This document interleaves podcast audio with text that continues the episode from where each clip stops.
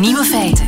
Dag en welkom bij de Nieuwe Feiten podcast van 29 september 2021. In het nieuws vandaag dat wie meedoet aan een zoekactie best even checkt naar wie er precies gezocht wordt. De Turk Beyhan Mutleu was als vermist opgegeven door zijn familie nadat ze hem een hele dag en nacht niet konden bereiken. De man was met een paar vrienden een avondje stevig op de lappen geweest. Op weg naar huis raakte hij de weg kwijt. En zo belandde hij in benevelde toestand in een bos. Een paar uur later botste hij daar op een groep politieagenten en vrijwilligers die kennelijk op zoek waren naar een vermist persoon. En hij sloot zich bij de zoekactie aan. Tot hij na enige tijd vroeg naar wie ze precies op zoek waren. U raadt het al. Groot was de verbazing bij de agenten toen bleek dat een man naar wie ze op zoek waren gewoon mee naar zichzelf aan het zoeken was. Ach, zoeken we niet allemaal naar onszelf. De andere nieuwe feiten vandaag. Mosselschelpen worden dikker. In Den Haag proberen ze nu een extra parlementair kabinet te vormen. En er bestaat zoiets als een dieetdorp. Welke speciale milieuverontreiniging het muziekfestival van Glastonbury teweeg brengt, dat hoort u in de gevreesde woensdagquiz. En de nieuwe feiten van Johan Terrein, die hoort u in zijn middagjournaal. Veel plezier.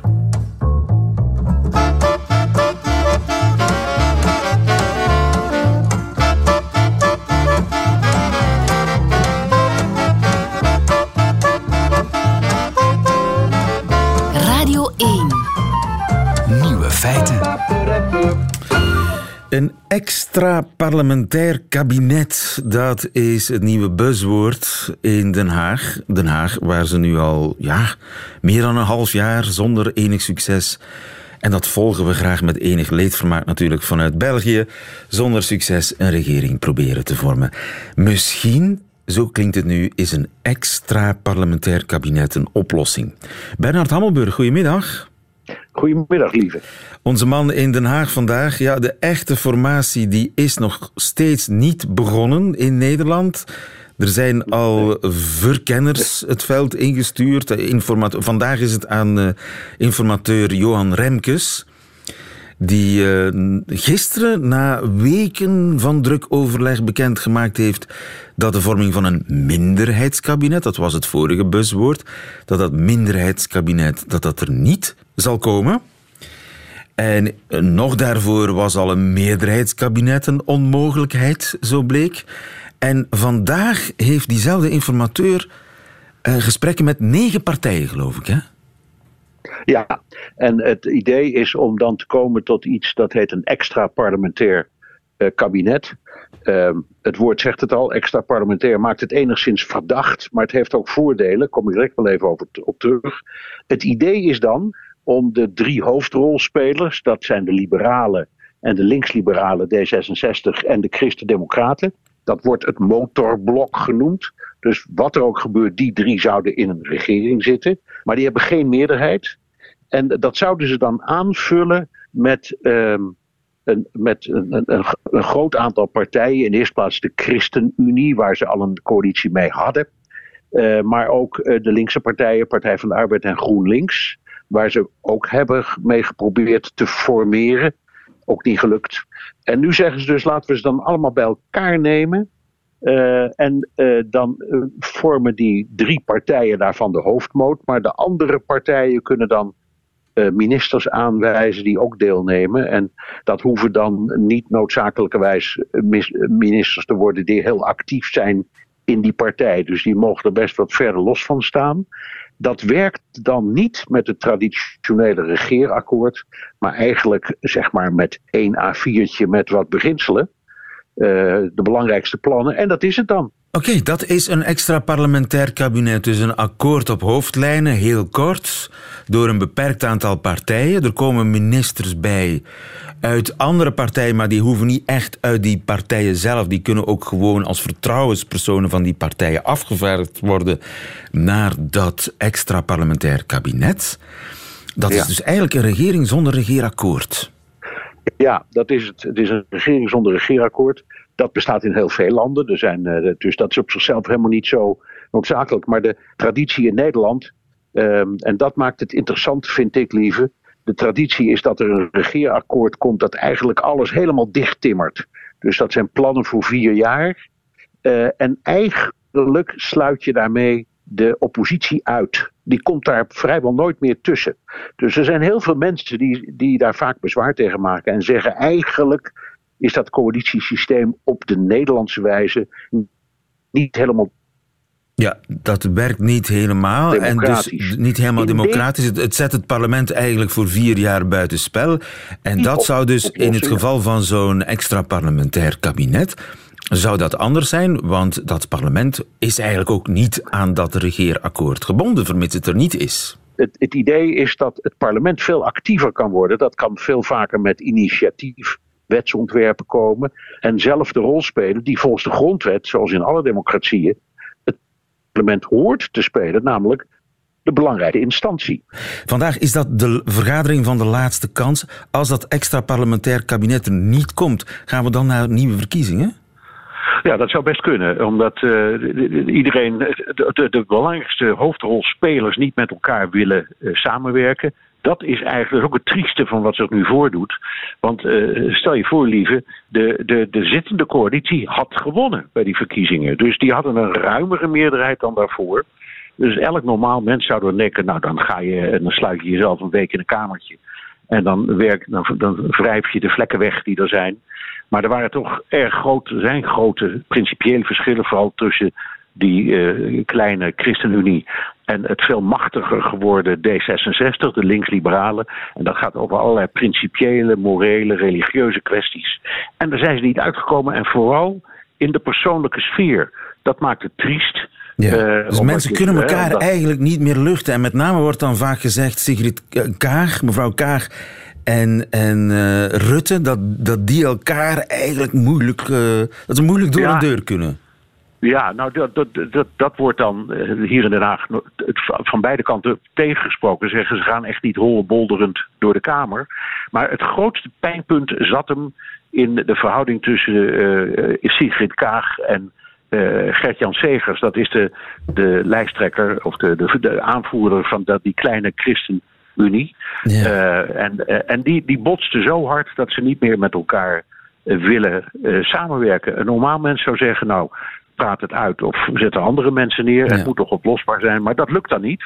Ja, En dus is denk ik inderdaad de extra parlementaire uh, versie de laatste kans. Ja, het is al een keertje geprobeerd, hè? Ja, het is al, ja, het was in het kabinet in Oude in de jaren zeventig. Um, waarvan overigens de twee grootste partijen, de Partij van de Arbeid en D66, de links-liberalen, toen vonden dat het een gewoon kabinet was. Maar de andere drie partijen die eraan meenemen niet, eh, deden niet. Dus dat was een beetje vaag schimmig. Ja. Het, voordeel, het voordeel zou zijn dat er is een enorme discussie in Nederland dat het eigenlijk niet democratisch is als, als een paar partijen een coalitie sluiten en dan de, de oppositie helemaal buitenspel zetten. In deze configuratie zou uh, het parlement een veel belangrijke rol spelen. En dat is iets wat in Nederland behoorlijk eh, in discussie is. Dus wat dat betreft geef ik het wel een kansje. Je geeft het een kansje, anders worden het misschien uh, nieuwe verkiezingen. Ze zijn daar creatief bezig op dit moment in Den Haag. En Bernard Hammelburg die houdt ons op de hoogte. Veel dank daarvoor, Bernard. Tot de volgende keer. Amai, amai. Amai, amai. Amai, amai.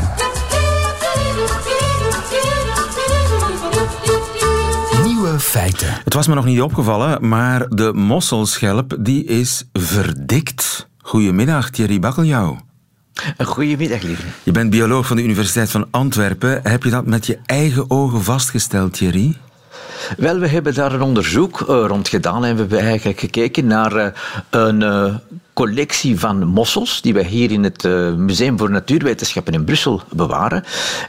en die teruggaat tot het begin van de 20e eeuw. En die we dus hebben opgevolgd tot, ja, tot het recent verleden, tot enkele jaren terug.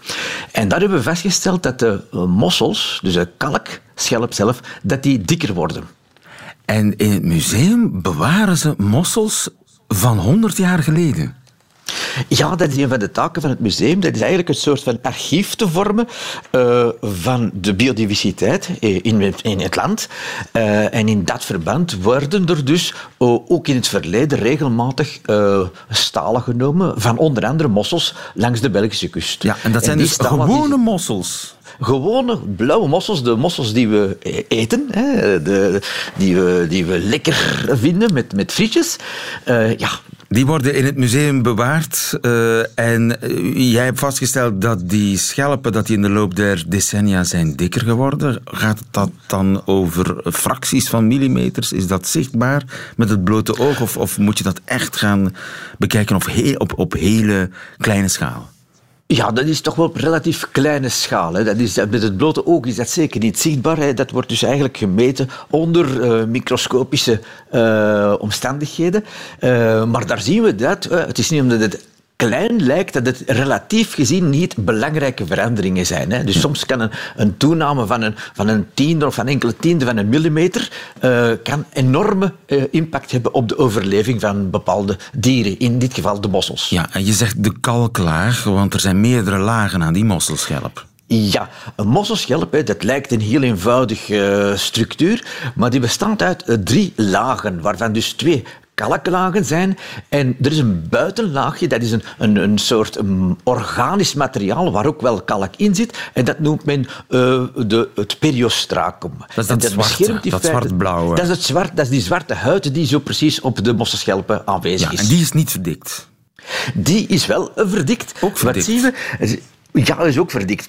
Maar we zien dus dat die buitenlaag, dus die, die zwarte, dat zwarte vel, als je wil, dat periostracum, dat is inderdaad verdikt, omdat dat eigenlijk een bescherming biedt uh, tegen bepaalde vormen van rovers, van predatie. Ah ja, het is dus precies die buitenlaag die verdikt is. Wel, dat is oorspronkelijk gaat gebeuren. Dus in de eerste instantie is het dus die buitenlaag die verdikt is, als gevolg van predatie door de purperslak, die ook langs de Belgische kust leefde en nu terug leeft. En die purperslak, dat is een rover, dat is een roofslak, um, en die gaat de, de mossels aanvallen door in de schelp een gaatje te boren. Dat doet ze met tandjes en met chemische producten. Aha. En de schelp is nu, uh, naarmate er een dikker... Uh, buitenvel is, dat, dat periostracum, is het voor de purperslak moeilijker om door die schelp te gaan boren. Ja, maar ik dacht dus dat die purperslak intussen uh, uitgestorven was of een tijdje uitgestorven is geweest. Ze is nu weer terug. Ja, en daar komt, het, ja, daar komt eigenlijk een beetje het, het, het interessante aan het verhaal. We zien dus dat die, dat periostracum uh, in de loop van de 20e eeuw is dikker geworden als een, een reactie op dus die predatie door de purperslak. Maar inderdaad, op het einde van de jaren 70, begin jaren 80, is de purperslak langs de Belgische kust uitverstorven, is verdwenen. Als gevolg van verontreiniging door bepaalde uh, verfproducten die men gebruikte om scheepsrompen te gaan beschermen tegen uh, bijvoorbeeld zeepokken en andere organismen die op de rompen van schepen gaan groeien. En dus is die buitenlaag dan weer dunner geworden? Wel, wat er dan gebeurd is, op dat moment is, was het zo dat die buitenlaag eigenlijk is een, heel, een, een, zeer complexe structuur waar de mossel veel energie moet investeren om dit te produceren. Nu, zodra dat dus natuurlijk die purperslak verdwenen is, natuurlijk, eh, was die buitenlaag niet zo belangrijk niet meer uh, voor de schelpen. En dus, met andere woorden, ging de schelp in andere zaken investeren. Gingen dus de mossels in andere zaken investeren. Dus maar wat is er dan de, gebeurd? de binnenste ja. lagen werden dikker. Wel, inderdaad, omdat door het verdwijnen van de purperslak, dus de predator verdwijnt, dus ja, dan op die moment is die dure investering minder interessant voor de mossels. Nu is het wel zo dat die buitenlaag, dat huidje, ook nog wel ergens bescherming biedt tegen oplossen van de kalkschelp in uh, zuurdere omstandigheden. En wat is nu het, het probleem? Dat, dat weten we. Hè. Onder andere, een van de grote problemen in de zee en de oceanen is de geleidelijke verzuring van die oceanen. Hè. Onder andere van de, door de klimaatwijzigingen, hè, door de verhoogde CO2. Ja. En wat krijgen we dus? En die verzuring gaat dus de schelpen ook weer aantasten. Dus ah. wat je ziet, is dat de kalk onder dat buitenlaagje, dat die in feite, dat het voor mossels en voor vele uh, organismen die kalkstructuren produceren, dat het moeilijker wordt onder die zure omstandigheden om die kalk te gaan produceren. En dus de algemene tendens die we wereldwijd zien, is dat dus de kalkstructuren gaan dunner worden. En wat is er nu in België gebeurd aan onze mossels? Goed, wij zien nu dat na het verdwijnen van die purperslak, de rover, is dus het opperhuidje dunner geworden. Maar tegelijkertijd zien we dat de kalklaag onderaan is dikker geworden als een reactie op een verhoogde predatiedruk door andere predatoren. Namelijk krabben in de eerste plaats en daarna ook meeuwen. Er zijn meer krabben en meer meeuwen. Er zijn meer krabben en meer meeuwen. En er zijn meer krabben ontstaan omdat er door de eutrofiëring, door de, het voedselrijker maken van de Noordzee enerzijds, de verhoogde watertemperaturen, uh, en tegelijkertijd de overbevissing van onder andere de kabeljauw en andere rovers die leven van krabben en kreeften, zien we dat dus de populatie van krabben is toegenomen. En krabben die leven ook van mossels. En die gaan die mossels niet uh, doorboren, zoals de purperslak dat doet. En dus daar gaat dus dat opperhuidje voor de krabben geen bescherming bieden, maar ze gaan de mossels breken met hun scharen. En dus moet die mossel zich wapenen tegen die toegenomen meeuwen en krabben. Absoluut. Hè. Meeuwen ook, die gaan de mossels kraken met hun bek. En wat gaat er gebeuren? Op dat moment is het belangrijker en nuttiger en helpen dat de kalk toeneemt. Want dan biedt de kalk op zich een betere bescherming tegen dus die krakers. En zo komt de mossel aan zijn dikkere schelp. Komt hij aan zijn dikkere schelp, ja. Eigenlijk is dat goed nieuws. Hè? Die mossel kan zich blijkbaar vrij snel aanpassen. Ja, het is zo, dat, dat lijkt goed nieuws. Hè. Het is zo, dus de algemene tendens wereldwijd is dat door de verzuring van de zeeën en de oceanen, dat dus de organismen met kalkstructuur, ik denk hier aan mossels in de eerste plaats, maar ook aan koralen bijvoorbeeld, hè, dat die dus het moeilijker krijgen om hun kalkstructuren te vormen. Maar onder lokale omstandigheden kan het dus zo zijn dat er situaties ontstaan waarbij ze toch erin lukken om een, een, een, eh, zich aan te passen aan een stel van factoren, eh, aan een geheel van factoren, waardoor ze toch een dikkere kalkstructuur kunnen gaan genereren. Ik moet er direct bij zeggen dat daar zijn grenzen aan. Hè. Dus mossels kunnen niet blijven dikker en dikker en dikkere schelpen produceren. Dat zo. Er zijn dus limieten aan. Hè. Dat maar dat zal verder onderzoek moeten gaan uitwijzen tot hoe ver ze daarin lukken. Ja, in eerste instantie kunnen ze zich nog redden, die uh, mossels. Voor de smaak heeft het geen uh, belang, dat blijven dezelfde mossels. Ja, absoluut. Dat, uh, ik denk dat er aan de kwaliteit van het vlees op dat punt dat er daar uh, geen problemen zijn. Dat dus de vorming van de schelp op zich geen effect heeft op de, op de culinaire kwaliteit van de, van de mossels. Thierry Bakkeljauw, dankjewel. Goedemiddag. Graag, goedemiddag. Ja. Nieuwe feiten. Het dieetdorp bestaat. In Nederland is er een volledig dorp al vier jaar aan het diëten. Peter de Graaf, goedemiddag. Goedemiddag. Peter, jij bent journalist bij de Volkskrant en jij bent voor de tweede keer naar dat eh, dieetdorp getrokken. Eh, om te zien of het nog altijd goed gaat met dat dieet. Waar ligt dat dorp? Dat dorp is, Leende, dat ligt vlakbij uh, Eindhoven in, in Noord-Brabant, in Zuid-Nederland. Ja, vlakbij de Belgische... van de Belgische grens. Bel, het grenst aan België. Het is eigenlijk eh, ten noorden van Noord-Limburg vanuit uh, uh, hier bekeken. Ja. Uh, Leende. En dat dorp is eigenlijk min of meer collectief aan het diëten geslagen vier jaar geleden. Hoe kwam dat? Nou, niet, niet het hele dorp. Het dorp bestaat iets van 4000 inwoners. En een, ja, een deel van het dorp is gaan diëten. Nadat uh, vijf jaar geleden uit een gezondheidsonderzoek bleek dat er toch relatief veel mensen uh, aan uh, obesitas en ook aan hart- en vaatziekten leed. Ze leefden daar de, de Brabantse, zeg maar, Bourgondische levensstijl. Leven, ja. Met veel ja. bier, overgrote, ja, wat zei, hoe heet stoofvlees, whatever, friet. Ja, worstenbroodjes. Worstenbroodjes, ah. Ja. En dus daar moest iets gebeuren. En dat was een initiatief van wie?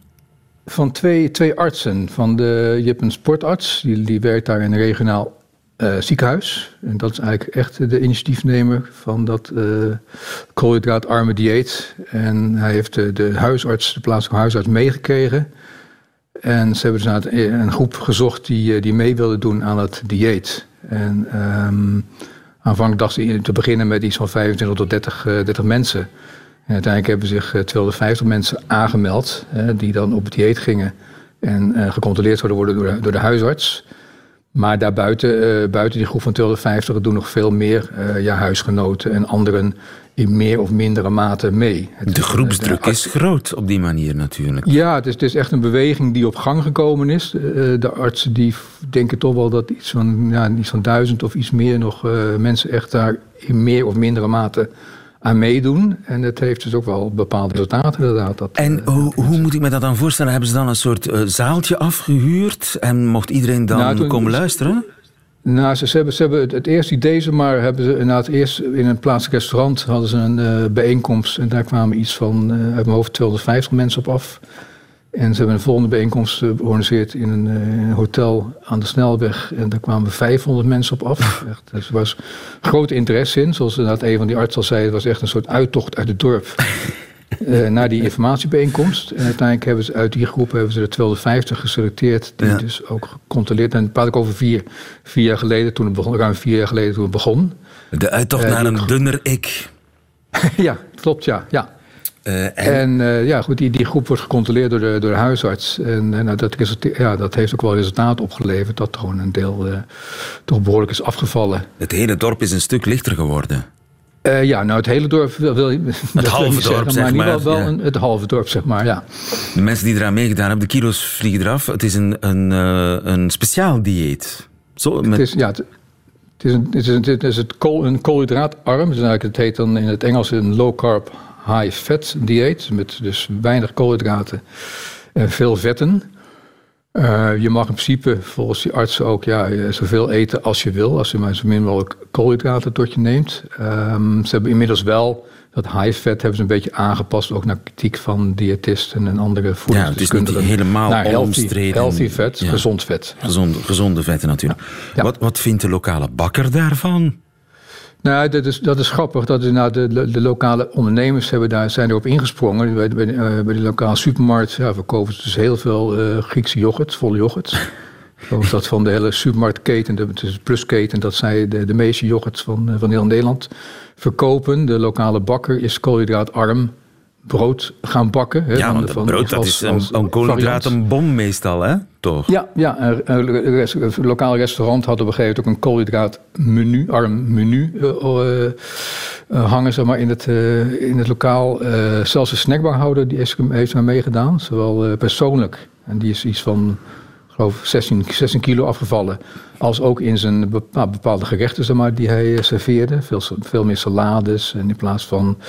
Uh, frietsaus, uh, mayonaise met wat, wat minder koolhydraten dus en suikers. de hele horeca heeft zich aangepast.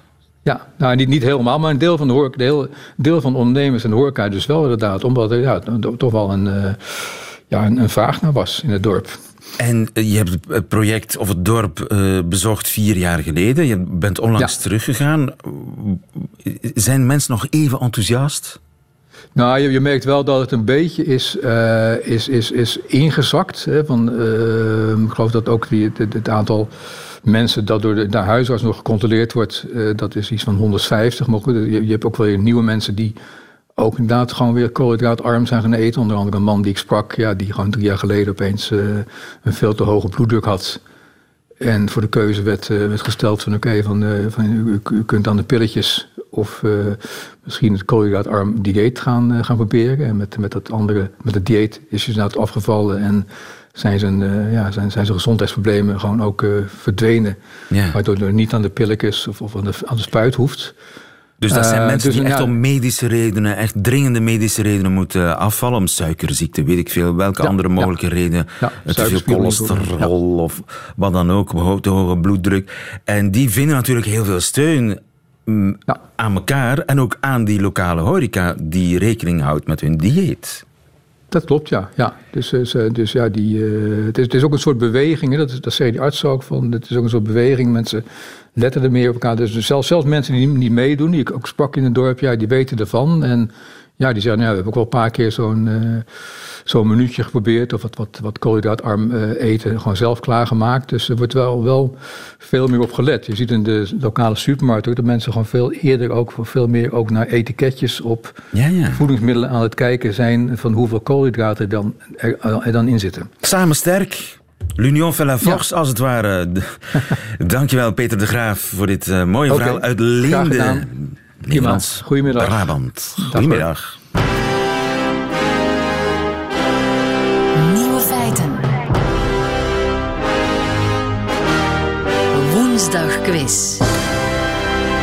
Het is zover. Gilles Wijkmans is erbij komen zitten. Dag Gilles, goedemiddag. Je hebt weer een kanjer van een quiz samengesteld. Absoluut. Een martelquiz. We spelen voor een boekenbon van 25 euro die u kunt eh, verzilveren bij een onafhankelijke boekhandelaar die aangesloten is bij de Federatie Confituur. We spelen met Vincent. Goedemiddag Vincent. Goedemiddag. Vincent, zeg eens hoe je voor de rest nog heet, want hier staat iets wat ik moeilijk kan lezen. Prinzi. Prinzi. Het is toch, Ja. ik dacht het is Prinzi, het kan niet Prinzi zijn, maar het is toch Prinzi. Is dat een zelfgekozen naam of heb je die bij je geboorte gekregen, Vincent Prinzi? Nee, ik heb die bij mijn geboorte van, eh, van mijn vader gekregen. De, de Prinzi's. Is, Ja. Dat is een gevreesde familie in het Antwerpse. Is, is dat zo? ik weet het niet. Het klinkt in elk geval zo. Je speelt tegen Els. Dag Els. Goedemiddag. Els Wiers uit Hoeselt in Limburg. Wat was je aan het doen vandaag, Els?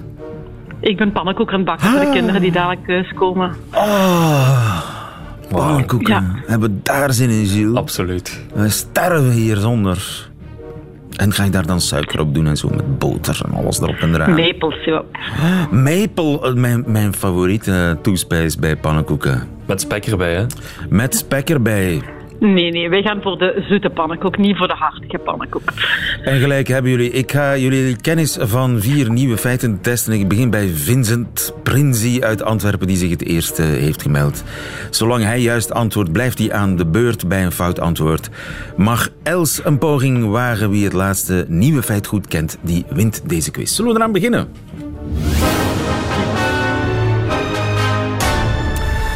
Vincent, een bepaald soort mijten plant zich voor op een bizarre manier, blijkt uit nieuw onderzoek. Welke manier? A. De mannetjes doen een dance battle. De spectaculairste danser die wint het vrouwtje. B. Twee kleinere mannetjes versmelten tot één groot mannetje dat dan bij de vrouwtjes gegeerd is. Rare meiden. C. De soort bestaat al miljoenen jaren exclusief uit vrouwtjes. Mannen bestaan niet eens. Voor niks nodig. A, B of C?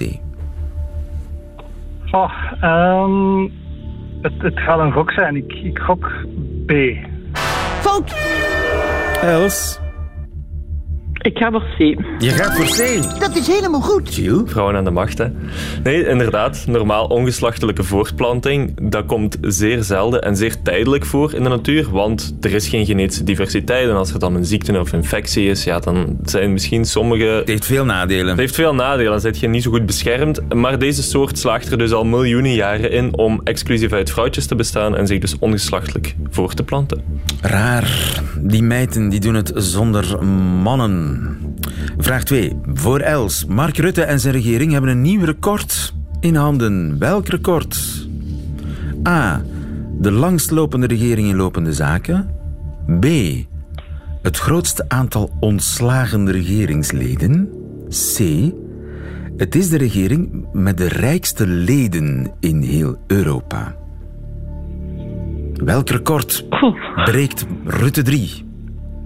Ik ga voor B. Je gaat voor B. Dat is helemaal goed. Ja, dat was een gok of dacht je, ik weet het wel? Ja, het was een beetje een gok. Ik volg het wel een beetje. Dus ik, ze zijn- ik wist dat er wel veel eh, ontslagen waren. Dus ja. Ja, dit weekend was er weer een, hè? Monica Keizer, toch? Elf, op elf staat de Ja. teller Maar elf. Elf. Elf regeringsleden zijn ontslagen. Ontslagen of zelf opgestapt, hè? zoals Sigrid Kaag. Sigrid Kaag ook al, inderdaad. Inderdaad. Els is goed bezig volgens mij. Want zij eh, krijgt ook vraag 3.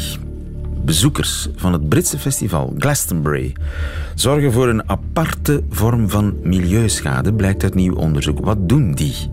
A. Druggebruikers vervuilen de lokale rivier door tegen bomen te plassen. B. Vogels gebruiken de rondgeslingerende condooms om hun nesten te verstevigen. C. Duiven hebben een te hoge cholesterol doordat ze te veel friet eten. Ik ga voor het, het, het A, voor het drugsgebruik. Dat is helemaal goed. Wauw, drie op een rij. Gilles? Eh, ja, inderdaad. Dus er is een onderzoek gebeurd naar de vervuiling in de rivier die langs eh, de festivalsite in Glastonbury loopt. En dan blijkt dat in de week na het festival er enorm veel cocaïne en ecstasy-resten in het water zitten. En dat komt dus, volgens de onderzoekers, omdat die mensen tegen bomen plassen, die urine komt in de grond terecht en uiteindelijk komen die resten dus zo in de rivier terecht. En dat zou zeer zeer, zeer slecht zijn voor de met uitsterven bedreigde Europese paling die ook in die rivier woont.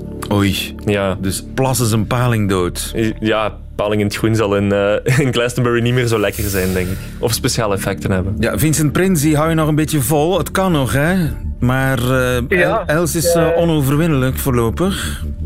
Ja, jammer genoeg wist ik deze vraag wel. Deze vraag wist je wel. Ik dacht het wel. ja, Antwerpen, Prinsie. Kom aan. Ja, Els, hopelijk vraag heeft ze de laatste. Els, eh, jouw conculega eh, die hoopt dat je deze vraag niet juist beantwoordt. Ik hou mij daarbij op de vlakte, maar ik stel ze alleen. Nederlandse ingenieurs die hebben een speciale tegel ontwikkeld. Een tegel die iets heel bijzonders kan. Wat kan die? A. Zacht worden als er iemand op valt. B. Een elektrische fiets opladen. C. Energie opwekken voor de aanpalende lantaarnpaal. Els. Oeh. A, B of C? Dan ga ik voor C. Fout. Ah, is het. Vincent. Oei, ehm Ja. Ja. hier moet ik ook op gaan gokken. Ja. Ehm, ik gok op A. Fout. Gilles. Het is, het is B. Ze kan een elektrische fiets opladen. De tegel kan een elektrische fiets opladen. En dat betekent dat wij een winnaar hebben.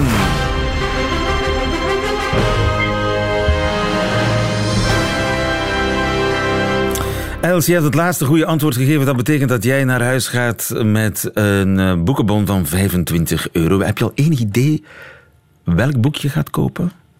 Vraag Ja, ik dan ja, ik heb ehm Toontellig, de laatste nieuwe, ehm, staat op mijn verlanglijstje. Dat is een Eh, de hele tijd denk ik dat hem heet. uitstekende keuze. Els uit eh, Ho- Hoeselt, wat was het ook alweer? Hoeselt. Hoeselt. Ja, Hoeselt, ja. Veel plezier met eh, je boekenbon. Uitstekend gespeeld. Vincent, helaas, helaas.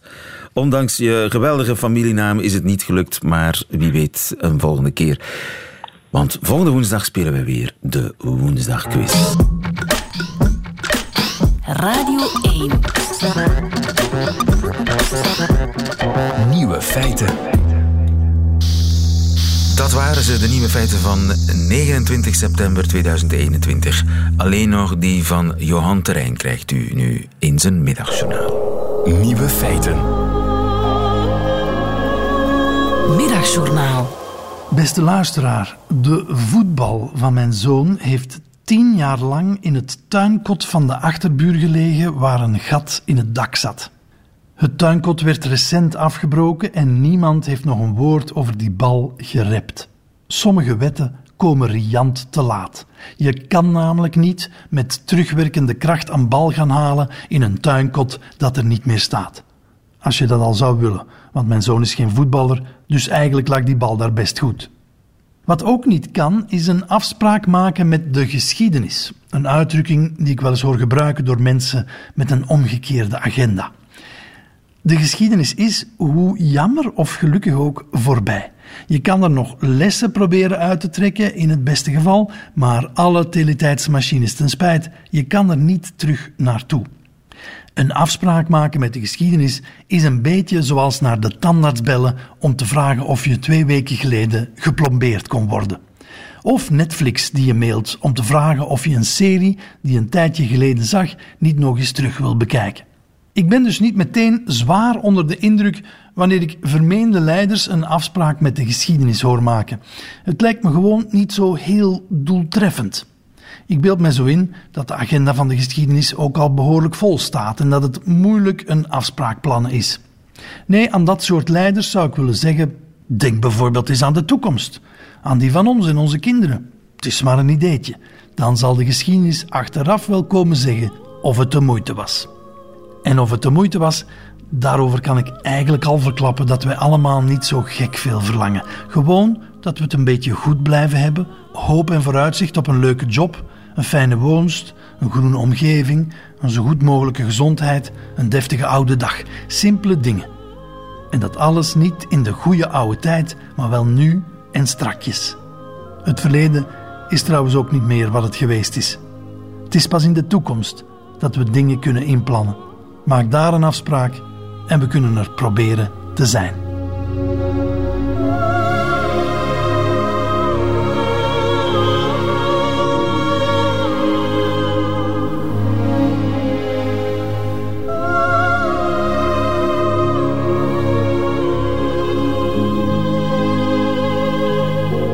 Het Middagjournaal met en van Johan Terrein. Einde van deze podcast hoort u liever de volledige nieuwe feiten met de muziek erbij. Dat kan natuurlijk via de website van Radio 1, radio1.be of via de Radio 1 app. Tot een volgende keer.